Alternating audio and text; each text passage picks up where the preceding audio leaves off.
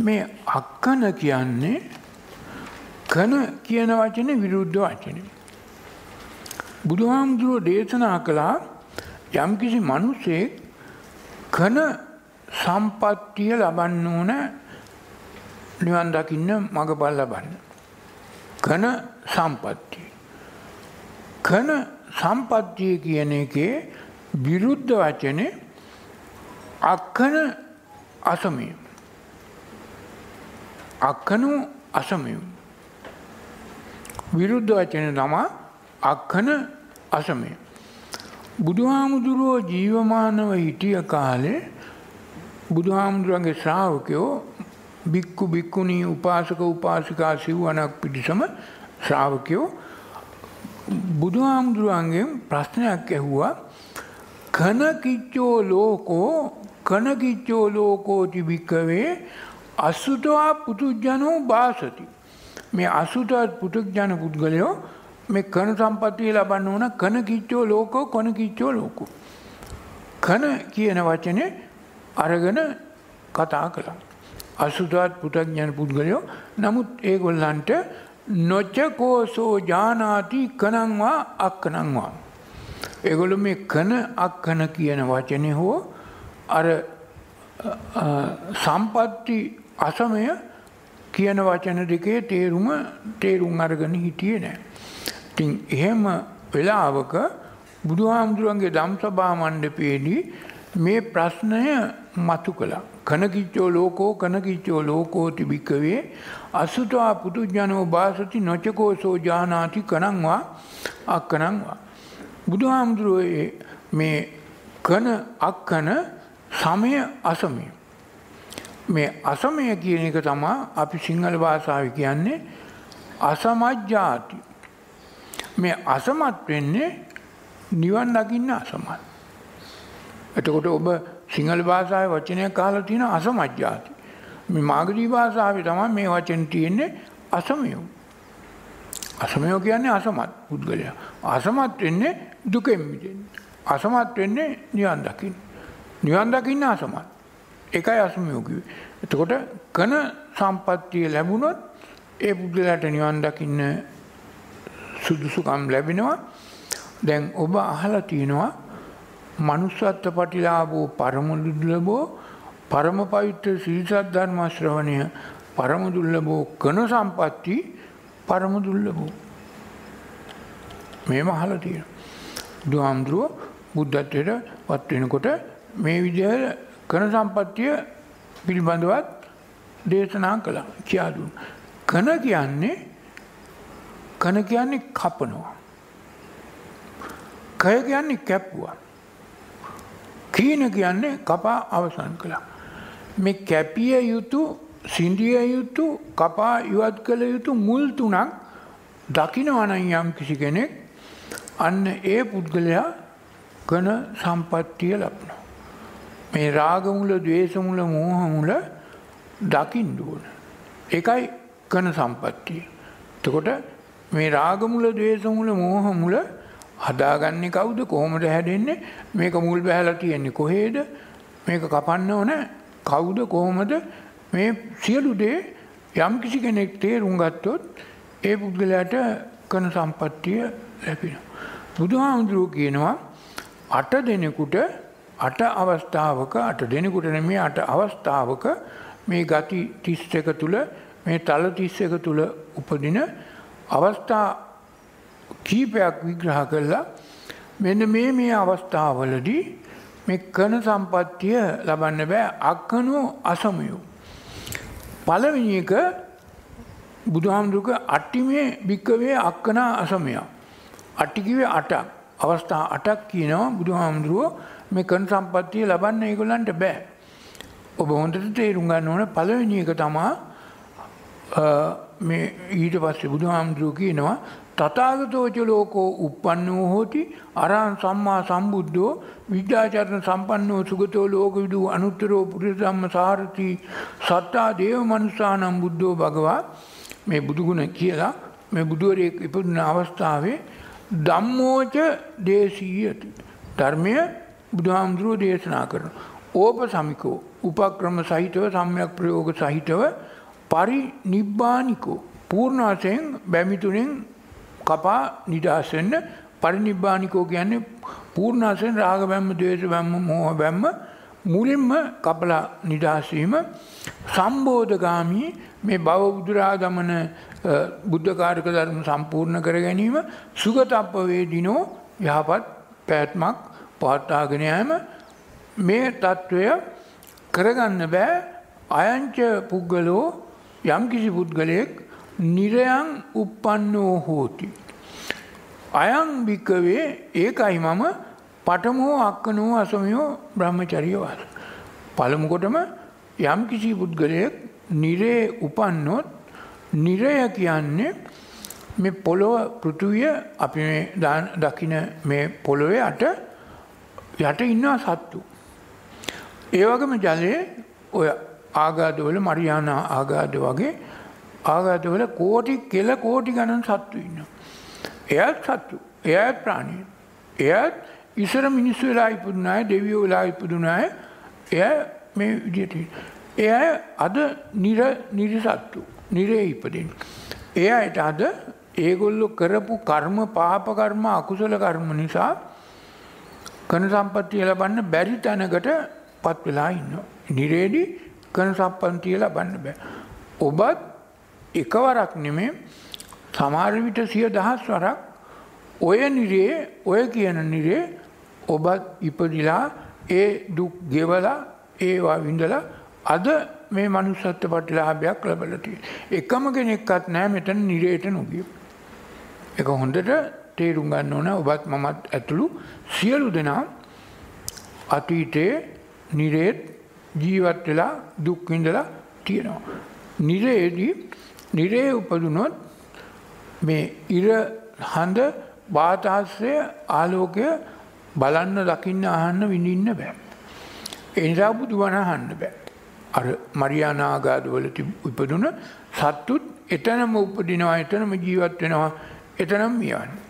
කවදක්වත් උඩට ඇවිල්ලා ආලෝකය වාතාශ්‍රය ඉරේලිය සඳේලිය දකින්න බෑ. ඒ වගේ සත්තු පෘථුවියට ඉන්නා කෝටි ගණන් ජලයේත් ඉන්නවා ඒ සත්තු නිර සත්තු නිරේ කියන්නේ අය. එයාට බුදුබණ අහන්න බෑ. ඇහෙන්නේ නැහැ. කරන සම්පත්තිය ලබන්න බෑ. බුදු කෙනෙක් බුද්ධත්වයට පත් වුණ. දෙවැනි කොටස පුනිට පරම්භිකවේ තතාගතෝච ලෝකෝ උපන්නෝ හෝටි සත්තා දේව මනුසානම් බුද්ධෝ භගවා ධම්මෝච දේශීයති ඕප සමිකෝ පරිනිබ්බානිකෝ සම්බෝධගාමී සුගත අපවේදිතෝ අයංච පුද්ගලෝ තිරච්චීන යෝනින් උප්පන්නෝ හෝති. තිරච්චීන යෝනියේ ඉපදුණා. ඒ කියන්නේ තිරච්චීන යෝනි කියන්නේ තිරස්ව ගමන් කරන සත්තු. ජීවත් වෙන්නේ දැන් මනුස්සයෝ සිරස්. මනුස්සයන්ගේ මොලේ තියෙන්නේ ශරීරයේ කඳ මුදුනේ සිරස්. නමුත් මේ අයගේ මේ අයගේ මොලේ තියෙන්නේ මුදුනේ නමුත් මේ අය පොළොවට සමාන්තරව යන්නේ තිරස්ව. දැන් ඔය කූඹි, කඩි, වේයෝ, මාළු, කුරුල්ලෝ, හරක්, අලි, අසය, එළුව නයි පොළොංගු සර්පයෝ අපි මේ තිරස්චීන ලෝකෙ එහෙම නැත්නම් අපි සිංහලෙන් කියනවා තිරිසන් ලෝකෙ කියලා. තිරිසන් ලෝකයයි තිරස්චීන තමා මාගදී වචන. තිරස්චීන කිව්වේ ඒගොල්ලන්ගේ මේ මොලේ තියෙන්නේ පොළොවට සමාන්තරව. අපේ මොලය තියෙන්නේ සිරස්ව. මේ සිරස්ව ඉපදෙන්න ඕන බුදුබණ අහලා මගඵල ලබන්න යෝනිසෝ මන්ත්‍රිකාරයෙන් කටයුතු කරන්න. ඒ නිසා එහෙම තිරච්චීන යෝනියෙහි යම් කිසි කෙනෙක් දැන් ඔය කෝටි ගණන් ඉපදිලා තියෙනවා ඔබට පේනවා. මේ ඉඩමේ මේකේ අපි එක අක්කර භාගයක් ගත්තොත් මේ ලෝකෙම ඉන්න සත්තුන්ට වඩා ඔය අක්කර භාගේ ඉන්නවා කූඹි වේයෝ මදුරුවෝ ඔය මීයෝ කාබෝ වේයෝ සතා සර්පයා ගරඩි අරොම්මයා මෙහෙම ඉන්නවා. එය ඔක්කොම තිරස්චීනයෝනිය එ සියලු දෙනාත් අතීතයේ මනුස්සය වෙලා රජ වෙලා හිටිය බව බුදු හාමුදුරුව අර ගෙරි රලක් පෙන්නලා කිව්වා මෙතන එකම ගෙරි එක්කත් නැහැ කිව්වා අතීතයේ රජ නොවුන්. ඒ බුදුබණ. ඉතින් ඒක නිසා සියලු තිරස් තිරස් චීන යෝනියට පත් උනේ ඒ අය කරපු දේවල් නිසා. හොඳට කල්පනා කරන්න ඕන හේතුඵල නිසා. මේ කරපු හේතුවක ඵලයක්. නිකන් ඉපදෙන්න නිකන් තිරස්චීන යෝනියට යන්න ඒක න්‍යාම ධර්මයක් අනුව සිදුවෙන දෙයක්. වැරද්ද කළොත් මේක තමා උරුමන්නේ. ඉතින් ඒක නිසා මේ තිරච්චීන යෝනියේ යම් කිසි කෙනෙක් ඉපදුනොත් ඒ පුද්ගලයාට අක්කනෝ අසමයෝ කන සම්පත්තිය ලබන්න වනාහන්ද බුදුමනාහල මගපල් ලබන්න ඒ ජීවිත කාලය තුළදී පුළුවන්කමක් නැහැ. ඒක නිසා ඒක දෙවෙනි කාරණේ තුන්වෙනි කාරණේ පුනිත පරම්පිකවේ අයංච පුද්ගලෝ පෙට්ටිවිසයන් උප්පන්නෝ හෝති.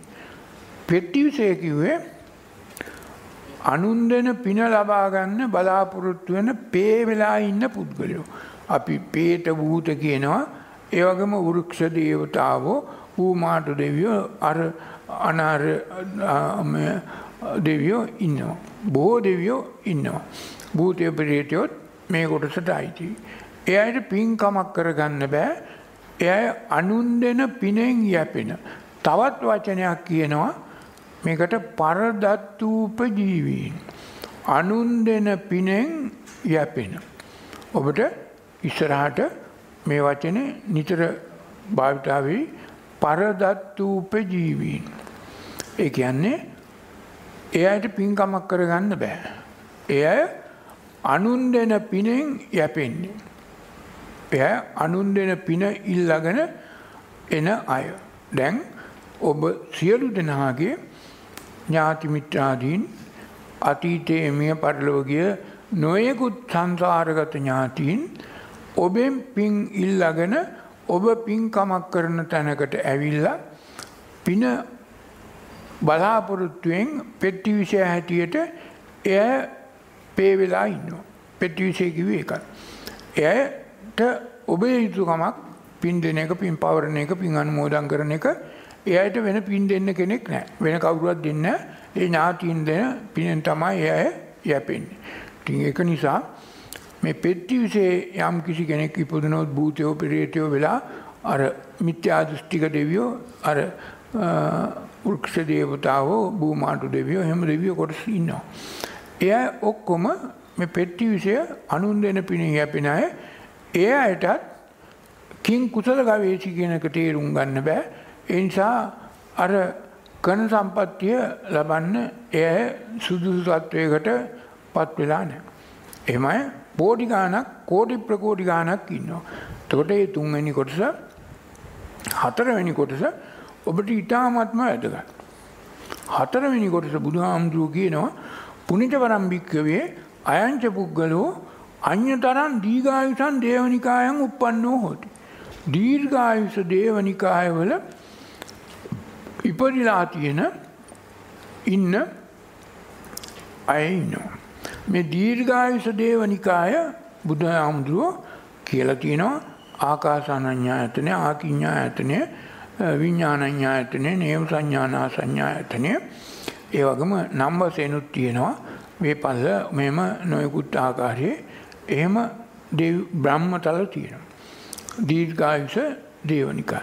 මේ දීර්ඝායුෂ දේවනිකායක ඉපදුණු දැන් අර අසිත තවුසා බුදුහාමුදුරුවෝ බුද්ධත්වයට පත්වෙන්නට පෙර ඉස්සිවරය අභිඥාලාබී තුන්කල් දක්නාන වන තින විජාංග්‍රහාවී හැබැයි ඒ අසිත දවස දැක්ක බුදුහාමුදුරුව බුද්ධත්වයට පත්වෙන බව. අනාගතයේ මතුවට මේ බෝසත්තුමා මේ සිද්ධාර්ථ කුමාරයා බුද්ධත්වයට පත්වෙන බව එයා දැක්ක තුන්කල් දක්නා නුවනේ. හැබැයි එයා දැක්ක බුදුහාමුදුරුව බෝසත්තුමා බුද්ධත්වයට පත්වෙන තවරුත් තිස් පහත්තියෙන. හැබැයි අසිත අවස දැක්කා තමන්ට අවුරුත් තිස් පහක් තව ජීවත් වෙන්න බෑ තමන් ඉදිස්සල මියන්. මිය ගිහිලා ඉපදෙන්නේ එයා දැක්කා අර නේව සංඥා නා සංඥා ඇතන. එතෙන්ටයි යන්න එයා දැන් කටයුතු කර ඒකෙන් මිදෙන්න බෑ. ඒ නිසා ඇඬුවා.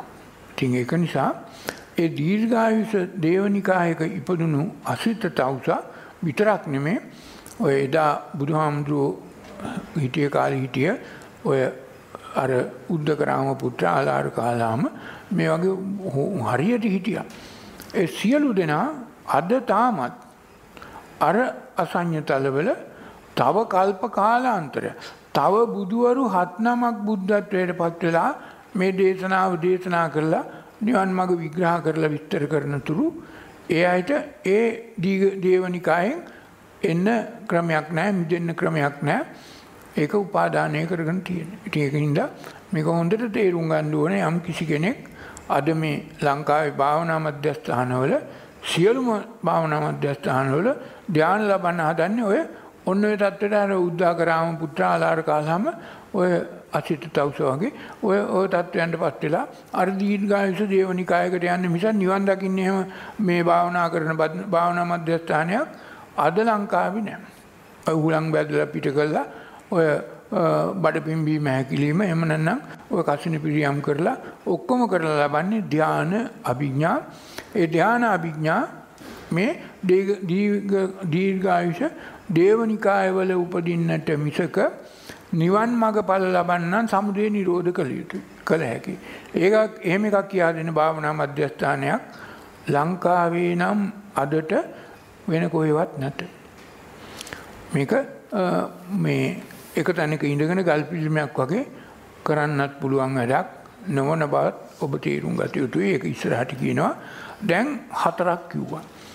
නිරේදි අක්කනෝ අසමයෝ තිරච්චීනයෝනි අක්කනෝ අසමයෝ පෙට්ටිවිසය අක්කනෝ අසමයෝ දීර්ඝායුෂ දේවනිකාය අක්කනෝ අසමයෝ. මේ මේ තත්ත්වය මේ තත්ත්වයන් තුළ ඉපදුනොත් යම් කිසි කෙනෙක් මිය පරලෝ ගිහිල්ලා ඒ පුද්ගලයාට කන සම්පත්තිය ලබන්න බෑ.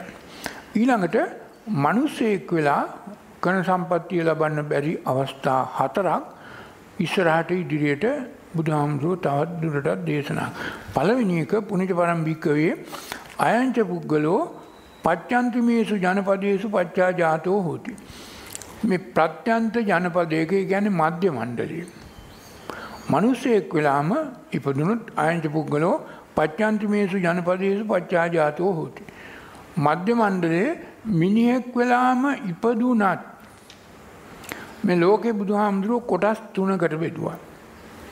මේ තුන පතිරූපදේශ වාසෝච කියන්නේ පච්චන්තිමේසු ජනපදු දේශු ඒ වගේම සුනාපරන්තය අපරාපරන්තය.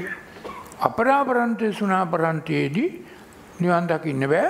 හැබැයි අපරාපරන්තය කිව්වේ එතනින්දන් මේ පතිරූපදේශයට එන්න පුළුවන් පුද්ගලයෙකුට. අද එන්න පුළුවන් නැව් තියෙනවා ගුවන් යානා තියෙනවා නොයෙකේව තියෙනවා තිබුණටම එන්න බෑ පුබ්බේතගත පුඤ්ඤතා ශක්තියකුත් තියෙන්න ඕනේ. ඉතින් ඒක නිසා මේ ප්‍රත්‍යන්ත ජනපදයේ මධ්‍ය මණ්ඩලයේ මිනිසෙක් වෙලා ඉපදීම ලොකුම දෙයක් කන සම්පත්තිය ලබන්න සුදුසුයි. හැබැයි ඒ වුණත් ලබන්නේ නැහැ සෝච හෝති අවිඤ්ඤාතාරයේසු මිලක්කේසු. ඒ පුද්ගලයා මේ බණ දහම අහලා නම් ධර්මයේ තේරුම් ගත්තේ නැත්නම් යත්ත නත්ති ගති බික්කුනම් බික්කුණී නම් උපාසකානම් උපාසිකාන. මේ බික්කු බික්කුණී උපාසක උපාසිකා කියන ගති නත්ති නැත්නම්. මේ ගති නැත්නම්. මේ ගති බික්කු කියන්නේ බයෝකය කිරීම. බික්කුණී කියන්නේ භවකය කරන ස්ත්‍රියක්. උපාසක කියන්නේ ආසවකය උප ආසවක්කය. උපාසක කිව්වේ. ආසවකය කරන්නට අප කැප වෙලා කටයුතු කරන පුද්ගලයා උපාසක උපාසිකා ස්ත්‍රියක් ආසවකය කරනවා. එතකොට මේ වචන හතරේ යම් තේරුමක් ඇති ක්‍රියාකාරකම් හතරක් තියෙනවා.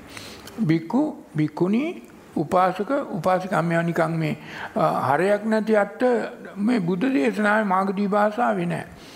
ඒක නිසා නිකන් මේ සාමාන්‍යම මිනිහෙක් නෙමෙයි. යම් කිසි කෙනෙක් රාගය ද්වේෂය මෝහය කියන බව කය කරන්නට දන්නවනම් ඒ පුද්ගලයා බික්කු බික්කුණී ආසව කය කරන්නට තණ්හා අනුසය තණ්හා කයෝ විරාගෝ නිරෝධෝ නම් අන්න උපාසක උපාසිකා. මහාන වෙන්නේ නැතුව. ඒ ගති ඒ ගති හතරක් ඒ ගති හතර නැත්නම් නැත්ති ඒ පුද්ගලයාත් මිනිසෙක් වුණාට මධ්‍ය මණ්ඩලයේ ඉපදුනාට පතුරෝපදේශයකම ජීවත් වනත් ඉපදුනත් කටයුතු කළත් ඔබවාගේ සමාර විටක ඔබ ගාව නැත්නම් අර බව කය කරන ආසව කය කරන ගති ඒ පුද්ගලයාටත් අක්කනෝ අසමිය පෘථග්ජන පුද්ගලයෙක් හැටියටම ඉපදිලා මිය ගිහිල්ලා නැවත ආයි කොහේ හරි ඉපදෙන්න පුළුවන්. ඒක නිසා කන සම්පත්තිය ලබන්න නම් මේ ගති ඇති වෙන්න ඕන. බව තේරුම් අරගෙන බව කය කරන්න ඕන. බික්කු කියන්නේ බික්කුණී කියන්නේ ඒකයි. ආසව කය කරන්න ඕන. උපාසක උපාසිකා කියන්නේ ඒකයි. එහෙම උනේ නැත්නම් අයංච පුද්ගලෝ අක්කනෝ අසමයෝ බ්‍රහ්මචර්ය වාසාය. එක පළවෙනි. මනුස්සයෙක් වෙලා. දෙවෙනි එක මනුස්සයෙක් වෙලා ඉපදුනත් යම් කිසි කෙනෙක් පුණජවරම් භික්කවේ අයංච පුද්ගලෝ මජ්ජිමේසු ජනපදේසු පච්චා ජාතෝ හෝති සෝච හෝති මිත්‍යා දෘෂ්ටිකෝ විපරීත දස්සනු. ඒ පුද්ගලයාගේ දැක්ම විපරීත නම් දෘෂ්ටිය මිත්‍යා දෘෂ්ටික නම් ඒ පුද්ගලයාත් මේ අකනු අසමයෝ. එතකොට සියලු දේශපාලකයෝ සියලු ආගමික නායකයෝ මිත්‍යාදිට්ටිකෝ විපරීත දස්සන. බුදු හාමුදුරන්ගේ ධර්මය තේරුම් නොගත්ත ආගම්වල දේශපාලනය ඒ වගම ඒකට ගැලපෙන විසියට මේ සාමාන්‍යයෙන් කටයුතු කරන පුද්ගලයෝ දසවස්තුක මිත්‍යා දෘෂ්ටියෙන් කටයුතු කරනවා. නත්ති දින්නම් මේ දුන් දේ පලක් විපාකයක් තමන්ට උරුම වෙනවයි කියලා හිතන්න. නොදුන්නත් එකයි දුන්නත් එකයි ඒක ඒ විදිහ නත්ති සිතං නත්ති සුතං නත්ති සුඛ දුක්ඛට්ටානං කම්මානං පලානං විපාකෝ. තමන් මේ කල කීරේ නිසා නත්ති සුඛ දුක්ඛට්ටාන මේ දුක් සැප විඳින්නේ කම්මානං පලං විපාක. මේ කර්ම වල ඵලයක් බල පව විපාක. ඒ කියන්නේ තමන් සැප විඳිනවා නම් ඒකට ඒකට හේතුවක් තියෙනවා. ඒකට සුදු කර්ම හේතු වෙනවා. Taman දුක් විඳිනවා නම් ඒකට කළු කර්ම හේතු වෙනවා. එතකොට මේ සුදු කර්ම කළු කර්ම විග්‍රහයක් බුදුහාමුදුරුවෝ කියලා තියෙනවා. කන්නම් කන්න විපාකං සුක්ඛං සුක්ඛ විපාකං මේ කන්නම් සුක්ඛං සුඛ විපාකං කන්න විපාකං මෙහෙම විග්‍රහ කරලා තියෙනවා. ඒවා පිළිබඳ විශ්වාසයක් නැත්නම් එහෙම නැත්නම් පටිච්චසමුප්පාද ධර්මයේ නොදන්නවන. එහෙම නැත්නම් හේතුඵල ධහමට බහා ගල්පා බලන්න බැරි නම්. ඒ පුද්ගලයා මේ මිත්‍යා දෘෂ්ටිකෝ විපරීත දස්සනු. ඊළඟට නත්ති අයන් ලෝකෝ නත්ති පරෝලෝකෝ. එලවක් මෙලවක් ගැන පිළිබඳ විශ්වාසයක් නෑ. මම එලොව මෙලොව මතුලොව පරලොව මේ පිළිබඳව කිසිම දැනීමක් විශ්වාසයක් නෑ මං මෙතන ඉපදුනා මෙතන විතරයි ඉන්නේ මෙතනින්ම ඉවරයි. මගේ පැවැත්ම මේ ජී අර උපදින දවසේ ඉඳන් මරණ දවසේ විතරයි. ඒකින්ද හොඳට කාලා බීලා ජීවත් වෙලා ඔය හොඳට ඉන්නවා කියලා හිතන මිනිස්සු රටේ මේ රටේ කෝටි ගණන් ඉන්නවා. ලක්ෂ ගණන් ඉන්නවා. ඒ මිනිස්සුත් මිත්‍යා දෘෂ්ටිකෝ විපරීත දර්ශන. ඔය දේශපාලකයෝ ඒ විදිහට කරන්නේ. ඔය ආගමික නායකයෝ ඒ විදිහට කරන්නේ ව්‍යාපාර කරන්නේ ඒ වගේම නත්ති මාතා නත්ති පීටා මේ අම්මා තාත්තා මේ වගේ අපි මේකට හේතු බල ධර්මය ණය විනයට සත්නා බලා මේක තේරුම් ගත්තේ නැත්නම් මේක ඒක නත්ති මාතා නත්ති පිතා ඒ වගේම නත්ති සත්තා ඕපපාතිකා මේ ඕපපාතිකව උපදුන සත්තු තමා ලෝකේ වැඩි ඕපපාතිකව උපදිනවා මේ තල 31කින් 29ක් තල දෙකයි අණ්ඩජ දලාබුජ. අනිත් තල විසි නමයම ඕපපාතිකයි.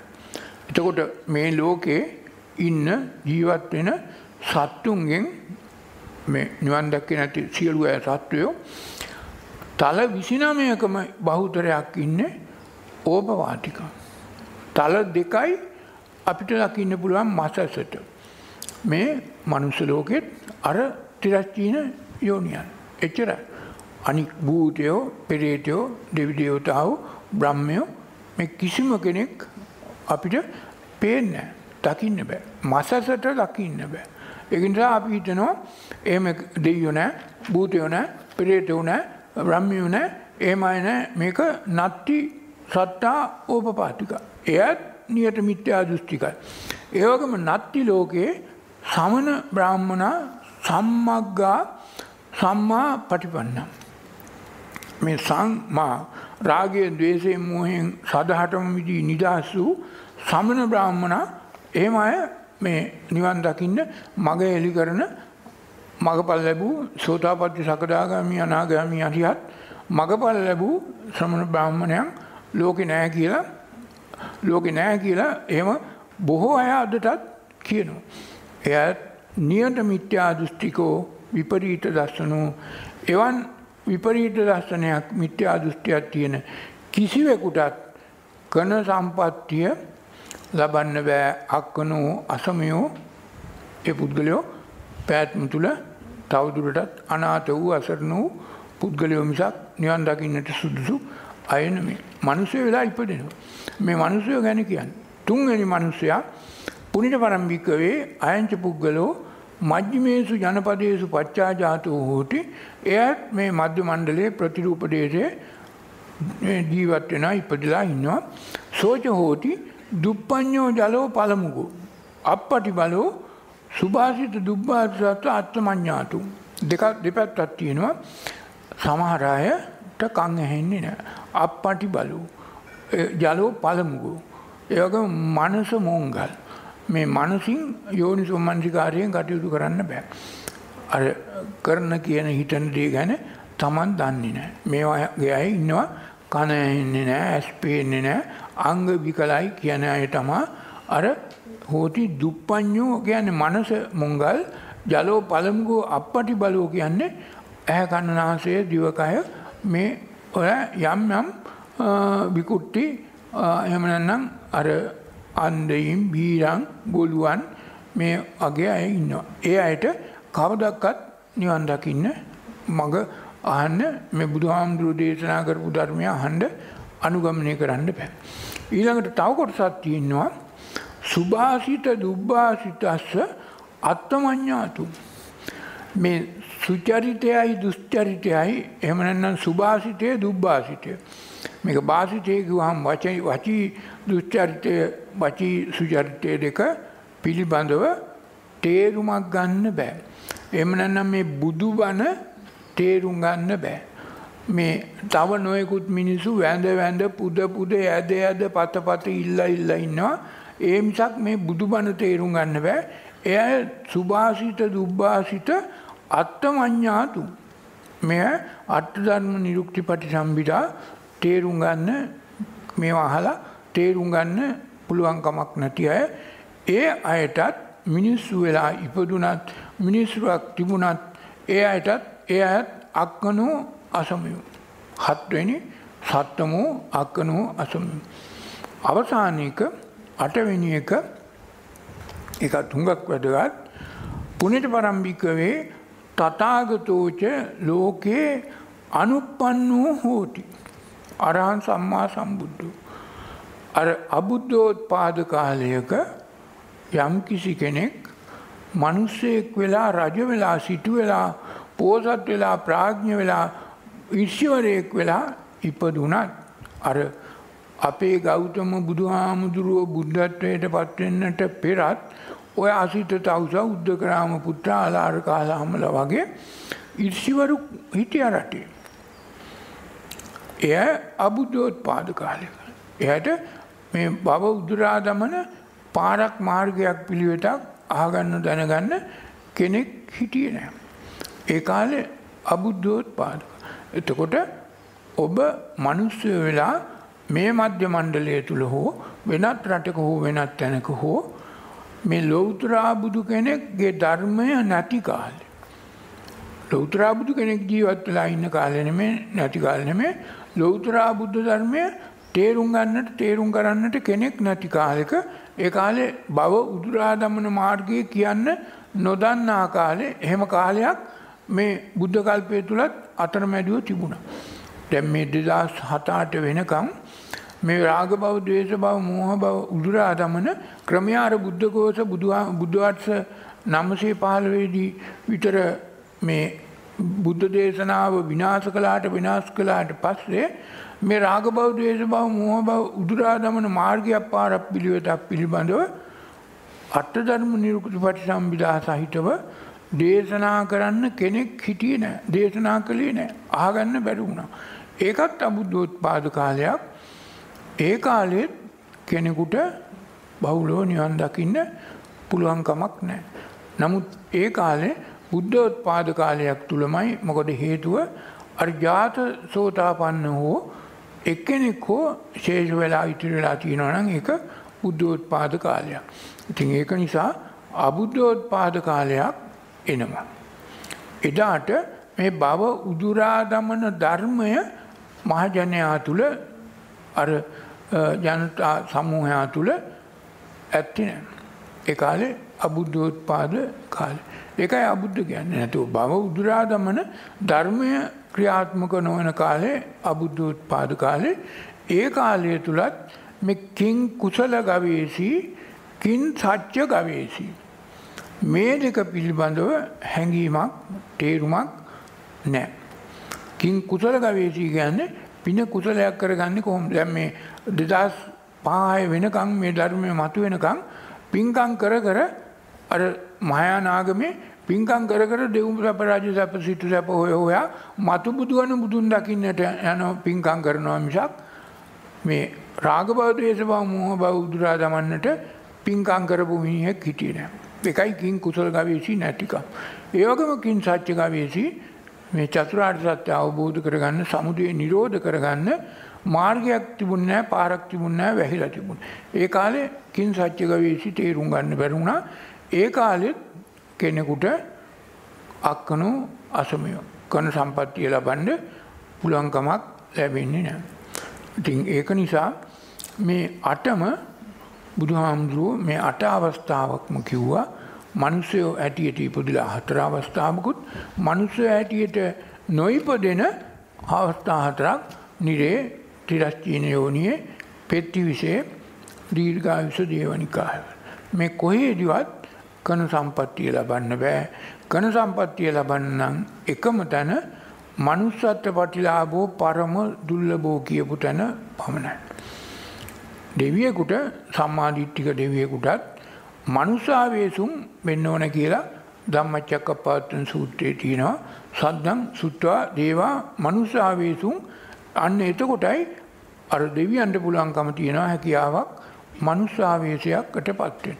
මනස දේව මනස දිව කන දිවනන දිව ඇස මනුස්ස කනක් හැටියට මිනිස්සෙක් කියන බණ අහලා දිව මන මනුස්ස මනසක් බවට පත් කරගත්තාම අර ඒ පුද්ගලයාත් ඒ දෙවියොත් මනුස්සාවේසුම් වෙලා ඒ අනුව කන සම්පත්තිය ලබන්න පුළුවන් ඒ මිසක් කන සම්පත්තිය ලබන්නේ නැතුව යම් කෙනෙකුට මේ මගපල ලබන්න මේ කෙලස් තුන කපන්න බෑ.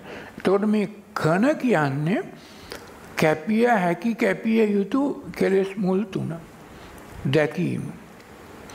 ඒ කෙලෙස් මුල් තුන කැපීම කය රාගක්කයෝ ආසවක්කයෝ කම්මක්කයෝ නිබ්බාන. ආසවක්කයෝ නිබ්බාන කම්මක්කයෝ නිබ්බාන රාගකයෝ දේශක්කයෝ මෝහක්කයෝ නිබ්බාන කය කියන්නේ අර කන කියන එක ක්‍රියාත්මක වෙන අවස්ථාව කය කපන අවස්ථාව. කැපුවට පස්සේ කීන එක දැන් කපල අවසාන වුණා නම් කීනා ಜಾති කීනාස්වයන් වහන්සේ කීනම් පුරාණං ඒ කීන කියන්නේ එතකොට කන කය කීන වචන තුනේ අර වර්තමාන අතීත අනාගත වර්තමාන තුන. ඒක නිසා මේ කන කියන එක පස්සේ කාලෙක ත්‍රිපිටකයේම පරිවර්තනය කරපු පෘථග්ජන පුද්ගලයෝ මේ කන කියන වචනේට සංස්කෘත වචනයක් එතෙන්ට දැම්ම ෂණ කියලා. අද මේ බුද්ධාගමේ ওই බෞද්ධ පාලි විශ්වවිද්‍යාලය අර බුද්ධ ශාකදාවන පීඨේ ওই මහ පිරිවෙන් වල පන්සල් වල ඔක්කොම හාමුදුරුවෝ මේ කන කියන එක දැන් ත්‍රිපිටකයෙන් පරිවර්තනය කරලා තියෙන ෂණ සම්පත්තිය. ඕම වචනේ යන බුද්ධ භාෂිතයක සංස්කෘත වචනයක්. බුදුහාමුදුරුවෝ ප්‍රතික්ෂේප කරපු සංස්කෘත වචනයක්. ඒක නිසා මේ කන කියන එක යම් කිසි තැනක ෂණ. දැන් ඔය තිලක්ෂණ නෙමෙයි තියෙන තිලක්ෂණ. ඒ වගේම අර අනත්ත ලක් කන සූත්‍රය අනාත්ම ලක්ෂණ ඔය ඔක්කොම මේ සංස්කෘත භාෂාවේ වචනවලට ගැළපෙන විදිහට පසු කාලීනව පෘථග්ජන පුද්ගලයෝ ත්‍රිපිටකය පරිවර්තනය කළා මේ කන විනාශ කළා. කන කියන්නේ කපා දැමිය හැකි කපා දැමිය යුතු කෙලෙස් මුල් තුන දැකීම. කය කියන්නේ කෙලෙස් මුල් තුන කැපීම කීනා කියන්නේ කීනම් පුරාණ කීනා ಜಾති කීනාශ්‍රයන් වහන්සේ රාගක්කයෝ දේශක්කයෝ මොහක්කයෝ කළා අවසාන. කතං කරණීයන් නාපරං ඉතත්තායාති පජානාති. ඉතින් ඒක නිසා මේක හොඳට තේරුම් ගන්න ඕන ඔබ සියලු දෙනා මේ බුද්ධ භාෂිතයේ එන බුදුහාමුදුරුවන්ගේ මේ මාගදී බුද්ධ භාෂිතයේ වචනවල හරියට අර්ථ ධර්ම නිරුක්ති තේරුම් ගත යුතුයි. ටිකක් හරි තේරුම් ගන්න උත්සාහ කළ යුතුයි. හැබැයි මේක තේරුම් ගත්තට පස්සේ ඊටාම සරලයි මේකේ කරන්න තියෙන දේ බොහොම සුළු දෙයක්. බොහොම සරල දෙයක් කරන්න ඕන. එක තේරුම් ගන්න ඕන මේක කරන්න මේ කන සම්පත්තිය ලබන්නේ එහෙම නැත්නම් මේ සමුදය නිරෝධ කරන්න එහෙම නැත්නම් මේ අනුසය න අනුසයටි කරන්න ඔබට පාර මාර්ගය පිළිවෙත කියා දෙනවා. මේ භව නසන්න. මේ රාග භව, ද්වේෂ භව, මෝහ භව ඔබේ හිතේ උපදින.